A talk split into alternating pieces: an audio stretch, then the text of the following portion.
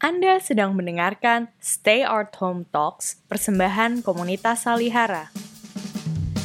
Dalam Stay Art Home Talks volume kedua ini, kami menghadirkan perbincangan dan pembacaan karya sastra Indonesia dengan merujuk 11 plus 1 kata kunci pada peta sastra Indonesia yang disusun oleh komunitas Salihara.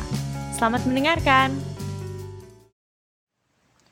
Belenggu Dikutip dari roman Belenggu karya Armin Pane Terbitan Dian Rakyat Cetakan ke-13 1988 halaman 37 hingga 40 Ya, seperti pernah engkau kulihat dahulu. Tiada lepas-lepas dari pikiranku. Engkau mesti pernah kulihat dulu. Ya, duduk di pangkuan Soekartono diusap-usapnya kening Soekartono. Janganlah merenggut, janganlah susahkan pikiranmu. Kalau datang ke sini, tanggalkanlah pikiranmu. Di luar masih banyak yang mesti engkau pikirkan. Benar ya, kalau aku di sini, di rumahmu ini, bukan rumah kita Ya, rumah kita ini. Aku tenang, hilang pikiranku. Tapi entah timbul juga pikiranku yang satu itu juga. Di manakah engkau kulihat dahulu? Dipegangnya Mukaya dengan kedua belah tangannya. Ah, engkau seperti anak yang merenyeh-renyeh. Kalau aku pernah bersua dengan engkau dahulu, masakan aku tiada mengenal engkau. Kata orang, kadang-kadang kita bersua dengan orang serasa-rasa pernah bersua dahulu. Seolah-olah sudah berkenalan dahulu. Kadang-kadang juga seolah-olah sudah sejak dari dahulu tergambar sesuatu keadaan yang kita alami sekarang.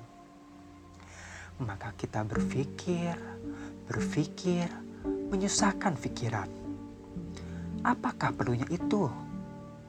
Kurang maniskah hidup ini? Katanya lalu diletakkannya kepalanya pada muka Soekartono. Dan kurang pedikah? Suaranya melembut. Berkuranglah kasihmu kalau kita tidak berkenalan dahulu. Dibelai-belai Soekartono kepada ya. Kenangan ke zaman dahulu Entah kenangan akan apa. Hatiku senang, seolah-olah karena air mukamu. Karena suaramu aku teringat ke zaman dahulu. Entah ketika mana. Barangkali kau kesal akan zaman sekarang. Karena itu kau sukakan zaman dahulu. Dari mana kau dapat ilmu itu? Digeleng-gelengkannya mukanya pada muka Kartono karena pengalaman sendiri. Katanya dengan pelahan-lahan. Bagaimana? Ketika engkau belum ku kenal, hatiku kesal. Nasibku kukutuki. Sampai-sampai ibuku kusumpahi. Mengapa dilahirkannya itu? Ketika itu aku suka bermimpi. Bermimpi mengenang zaman dahulu dia berhenti sejurus, lalu digelengkannya kepalanya sekali seperti kuda mengipaskan rambutnya. Seolah-olah hendak mengipaskan pikiran ke zaman dahulu, lalu katanya dengan lagu suaranya yang biasa. Barangkali kau juga tiada senang akan keadaanmu sekarang. Ya, tersenyum.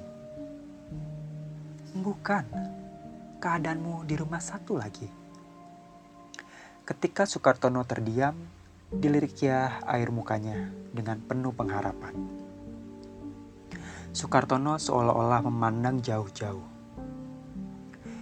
Boleh jadi, tiba-tiba bibirnya bercemooh. Istriku hidup sendiri. Dahulu kalau hendak ke mana-mana selalu dikatakannya dahulu. Kalau aku tiada di rumah ditinggalkannya surat mengatakan ke mana dia. Sekarang entahlah. kata orang kawin itu bersatu pikiran, bersatu tujuan. Rupanya setelah nikah, berlainan paham juga. Masing-masing hidup sendiri. Perkawinan yang salah? Bukankah manusia yang salah? Terlalu banyak bercita-cita sebelum kawin. Kartono memegang dagu ya. Engkau bagaimana? Mengapakah bercerai? Ya, tertawa. Tubuhnya bertegak, dia menggelengkan kepala. Alangkah bodohnya engkau. Sang kamu aku baru bercerai.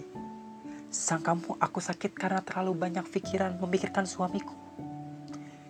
Ya, tertawa. Tertawa tapi mengandung sedih.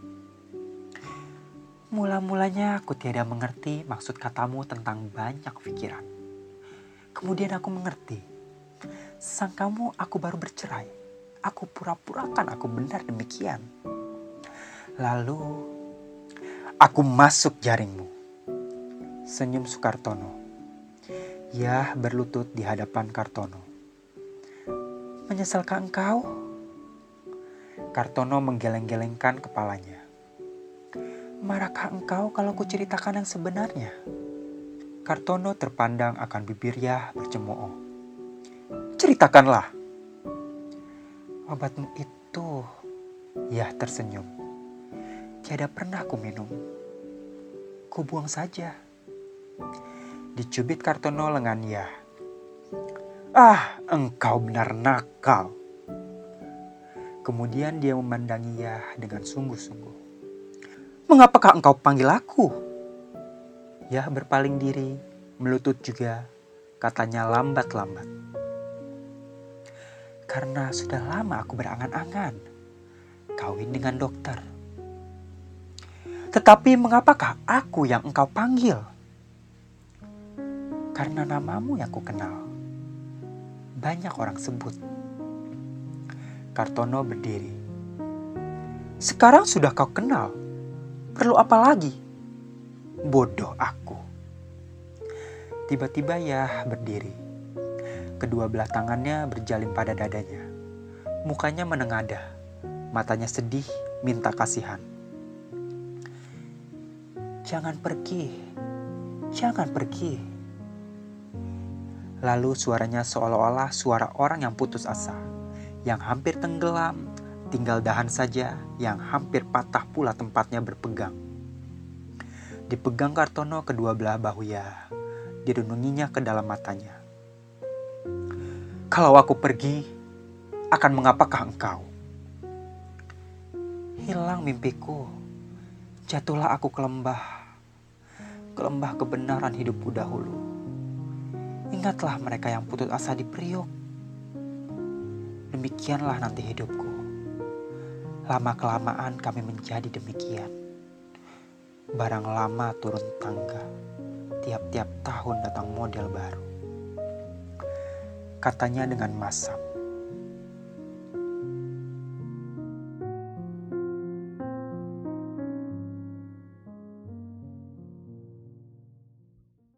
Pemirsa, kembali bersama saya Zen Hai dalam Stay at Home Talks Komunitas Salihara volume 2 episode Belenggu yang Membebaskan.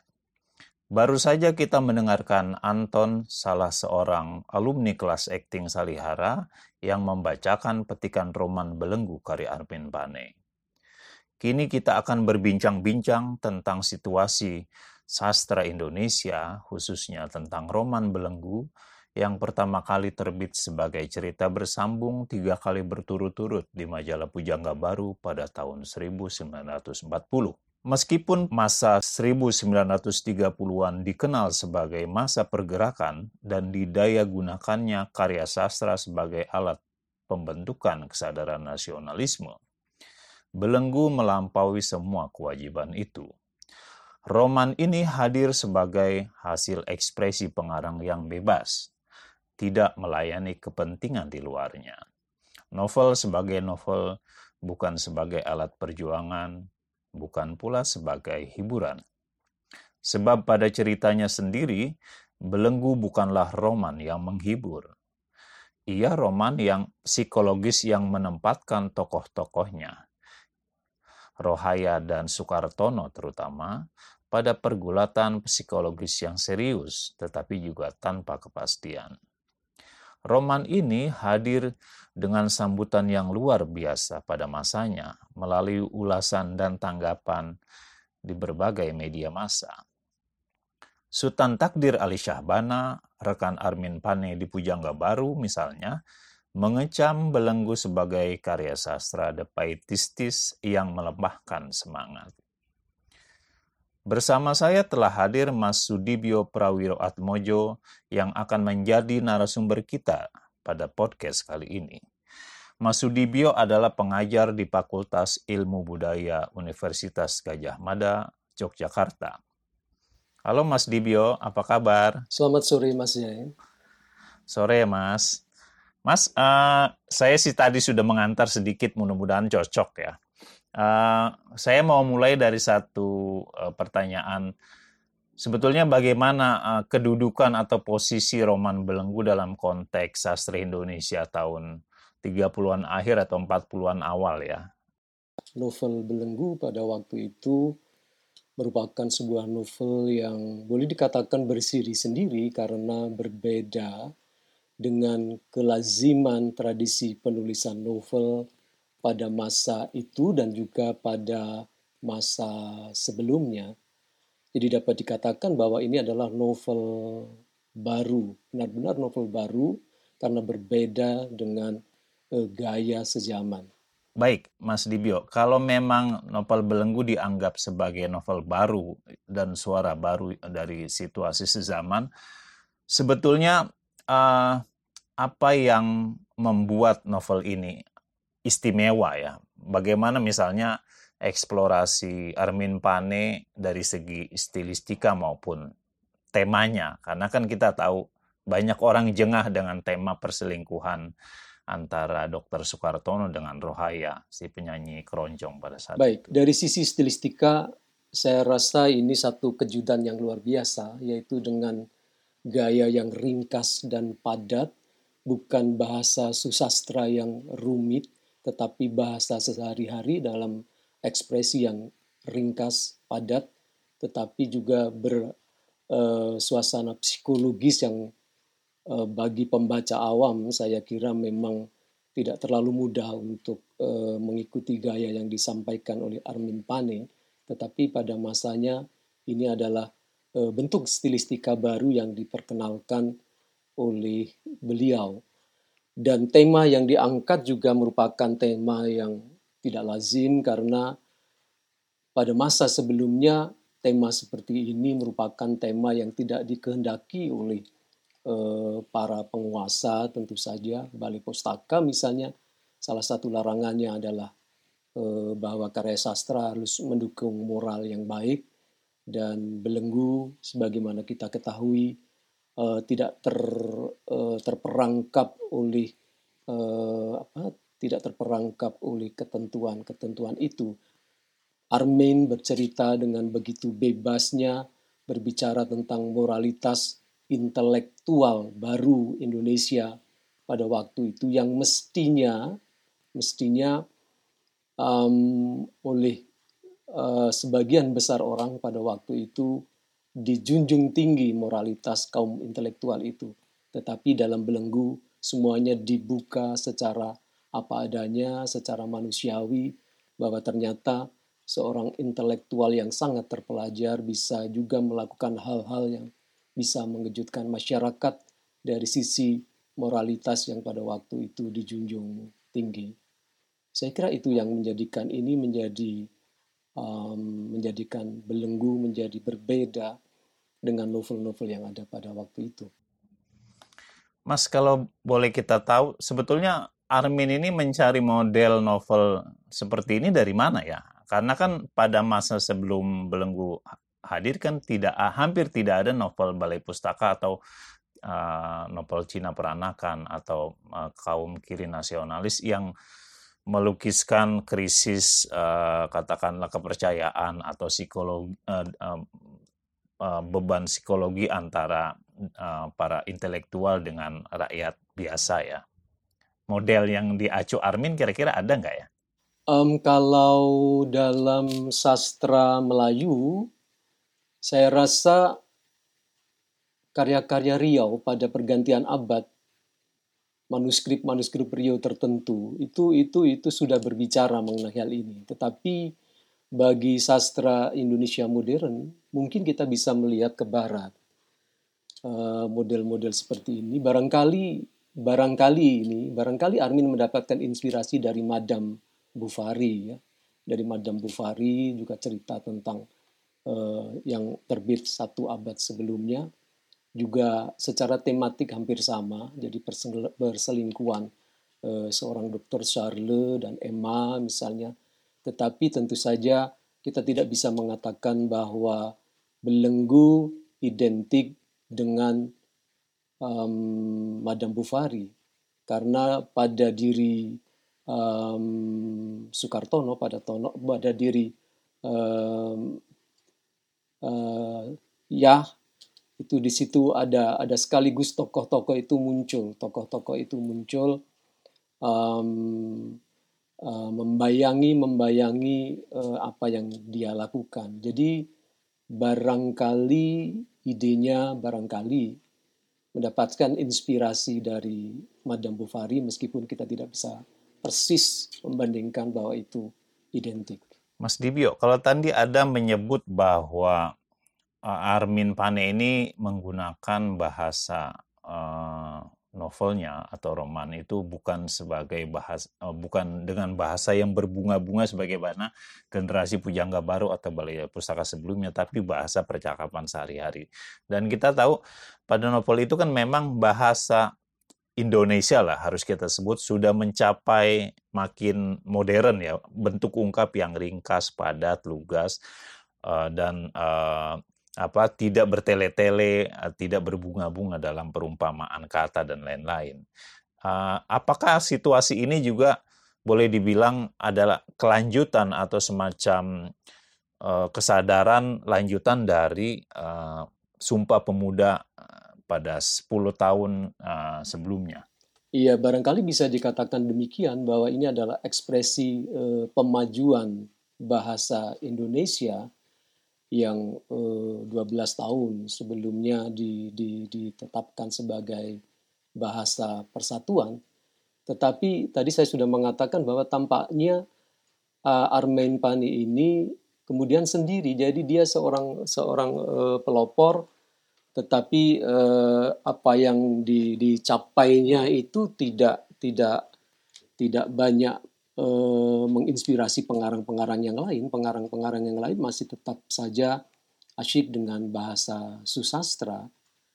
Jadi masih tetap asik dengan bahasa susastra pada periode-periode berikutnya. Barangkali memang uh, seorang pelopor sudah seperti itu, bahwa dia menjadi orang yang kesepian. Seorang pelopor biasanya meninggalkan sesuatu tetapi kepeloporannya belum tentu kemudian menjadi eh, kemudian kecenderungan di di di masa-masa berikutnya karena tetap saja bahwa sampai hari ini pun saya rasa novel-novel yang memenangi berbagai uh, ajang uh, kompetisi kebanyakan juga masih menggunakan bahasa sastra yang boleh dikatakan indah bukan bahasa yang ringkat padat ringkas padat model Armin Pane. Ini ini menarik saya rasa.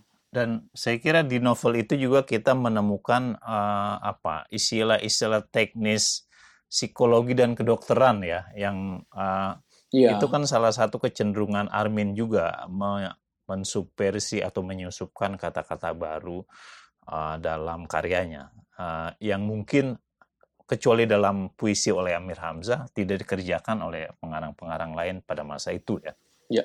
Mas, kalau tadi misalnya eh, pada situasi yang sama kan sebetulnya kita menyaksikan satu perdebatan ya yang dipicu oleh takdir Ali Sabana tentang orientasi kebudayaan Indonesia apakah harus men, eh, berkiblat ke barat atau ke timur dan kita tahu eh, takdir tentu saja Eh, menganjurkan supaya kita lebih cepat maju, maka kita me, me, mengadopsi budaya Barat. Sementara uh, Sanusi Pane dan kawan-kawan, oh, Timur pasti lebih unggul karena ada unsur kehalusan budi dan spiritualitas dan lain-lain. Apakah novel ini juga berkaitan atau katakanlah punya jangkar pada situasi eh, polemik kebudayaan yang muncul pada tahun 35 dan selanjutnya? Uh, dalam salah satu episode, terutama ketika dia bertemu dengan tokoh Mangun Sucipto, di, di situ tampak tampak cukup jelas bahwa Armain uh, mencoba untuk merevisi pendapatnya bahwa semula dia kelihatan cenderung pada gagasan-gagasan Sultan Takdir Ali Syahbana dalam pikirannya bagaimana memajukan Indonesia ke uh, masa depan harus menggunakan roh barat yang lebih dinamis dan sebagainya. Tetapi ketika dia bertemu dengan Mangun Sucipto, Paman Tini, dia seperti hendak merevisi pendapatnya bahwa pendapat seperti yang disampaikan oleh Mangun Sucipto sebagai representasi pendapat-pendapat Sanusi Pani Ki Hajar atau Profesor Purbo Caroko itu juga layak diperhatikan mengenai uh, harmoni, mengenai uh, ketenangan dan seterusnya. Mas, kalau kita lihat kan Soekartono ini mengacu uh, pola pikir uh, seorang dokter, ya tentu saja masa itu adalah Stopia ya di Jakarta atau Batavia. Dan kita tahu pasti Barat itu kan uh, acuan uh, haluan hidup, uh, ilmu pengetahuan, kemudian juga budaya, cara dia memandang uh, dunia di sekitar, bahkan memandang lawan jenis dan lain-lain. Tidak ada unggah-unggu atau batasan moral timur yang misalnya dalam satu adegan yang dibacakan uh, oleh Anton tadi mereka apa berpangku-pangkuan itu kan satu pemandangan uh, yang sebetulnya tidak pernah dilukis oleh uh, peng para pengarang uh, para pengarang balai pustaka atau yang baru sebelumnya. Nah, uh, tetapi kita tahu itu kan seperti hukuman yang datang kemudian uh, pemberontakan mereka itu berakhir seperti tidak jelas betul ya. Iya kemudian meninggalkan Soekartono sendirian pergi ke Kaledonia Baru. Kemudian juga istrinya Soekartini pergi dan uh, jadi situasi pemberontakan ini tiba-tiba mengalami jalan buntu orang harus kesepian karena melawan arus besar moral masyarakat. Bagaimana Anda menjelaskan ini? Uh, baik, tampaknya memang ini saya akan mengutip pendapat Henk Schulte Nordholt yang sempat mengutip um, belenggu di dalam kajiannya tentang modernitas pada tahun 40-an. Jadi Heng mengatakan bahwa ternyata um, orang yang mengagungkan uh, budaya Barat pada saat tertentu seperti di, diungkapkan di dalam uh, novel Belenggu itu juga mengalami keraguan-raguan. Jadi ada kebingungan di situ ketika uh, apa yang dijalankan itu apa yang dijalankan itu kemudian tidak tidak berhasil seperti apa yang diharapkan. Jadi tokoh-tokoh masing-masing uh, mengalami kebuntuan. Jadi ini seperti menurut Henk Schulte Nordhoff itu seperti orang Indonesia menatap eh, modernitas baru yang hadir pada waktu itu. Jadi pertama memang begitu merayakan eh, datangnya modernisme, tetapi pada satu titik tertentu ada yang mengalami eh, keraguan-raguan seperti yang disampaikan di dalam belenggu dan tidak bisa menikmati eh, modernitas yang pertama diperjuangkan itu. Apakah dengan begitu boleh disebut pemberontakan dalam belenggu itu apa? Pemberontakan setengah hati, Mas ya? E, bukan setengah hati saya rasa, tapi memang barangkali juga ini pertimbangan pertimbangan audiens juga ya, artinya bahwa Armain sadar bahwa apa yang diperjuangkan itu, apa yang diperjuangkan um, tidak sepenuhnya bisa bisa pada pada waktu itu pada tidak sepenuhnya bisa bisa diterima oleh pembacanya.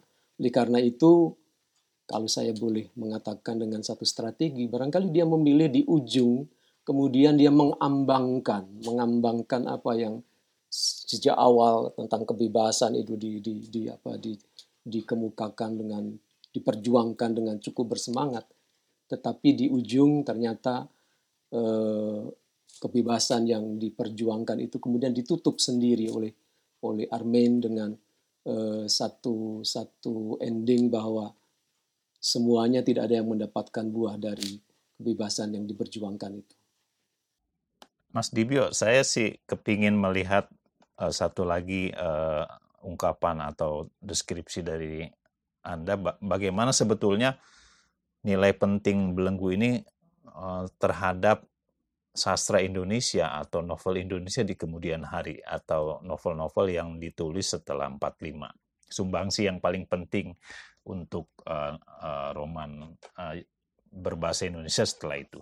Um, untuk roman memang kelihatannya tidak ada yang serevolusioner, tidak ada yang serevolusioner belenggu.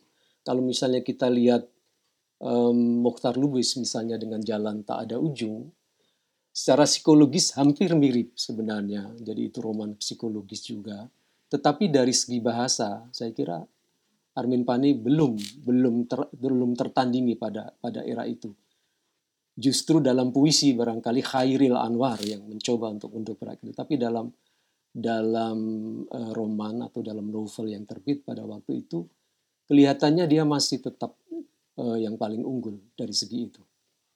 Apakah yang dikerjakan oleh Idrus pada zaman pendudukan Jepang itu kan satu bentuk yang sering disebut-sebut sebagai uh, kesederhanaan baru ya.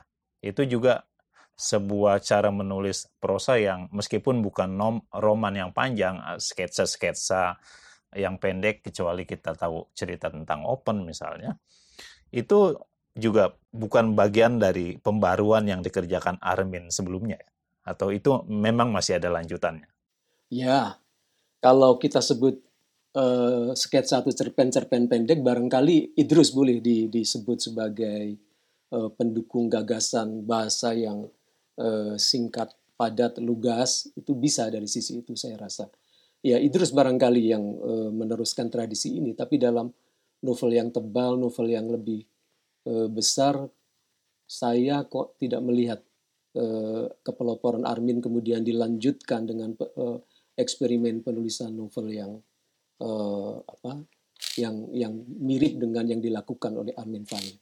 Mas Dibio, sebetulnya uh, saya mau bertanya lebih banyak lagi, tapi sayang uh, waktunya ini habis untuk kita. Tapi saya kira apa, apa obrolan kita cukup menarik dan meskipun belum menyelesaikan uh, beberapa hal yang mau saya tanyakan lagi. Tapi sekali lagi uh, saya ucapkan terima kasih untuk Mas Dibio yang sudah berbagi uh, analisis atau pengalaman membaca belenggu untuk kita semua. Teman-teman uh, sekalian, uh, demikianlah podcast episode belenggu yang membebaskan bersama Mas Sudibyo. Jangan lupa untuk mengikuti dan menonton video animasi 11 plus 1 kata kunci untuk mengenal kesusastraan Indonesia di kanal YouTube Peta Sastra Indonesia. Sampai jumpa di episode Stay at Home Talks Salihara berikutnya. Salam.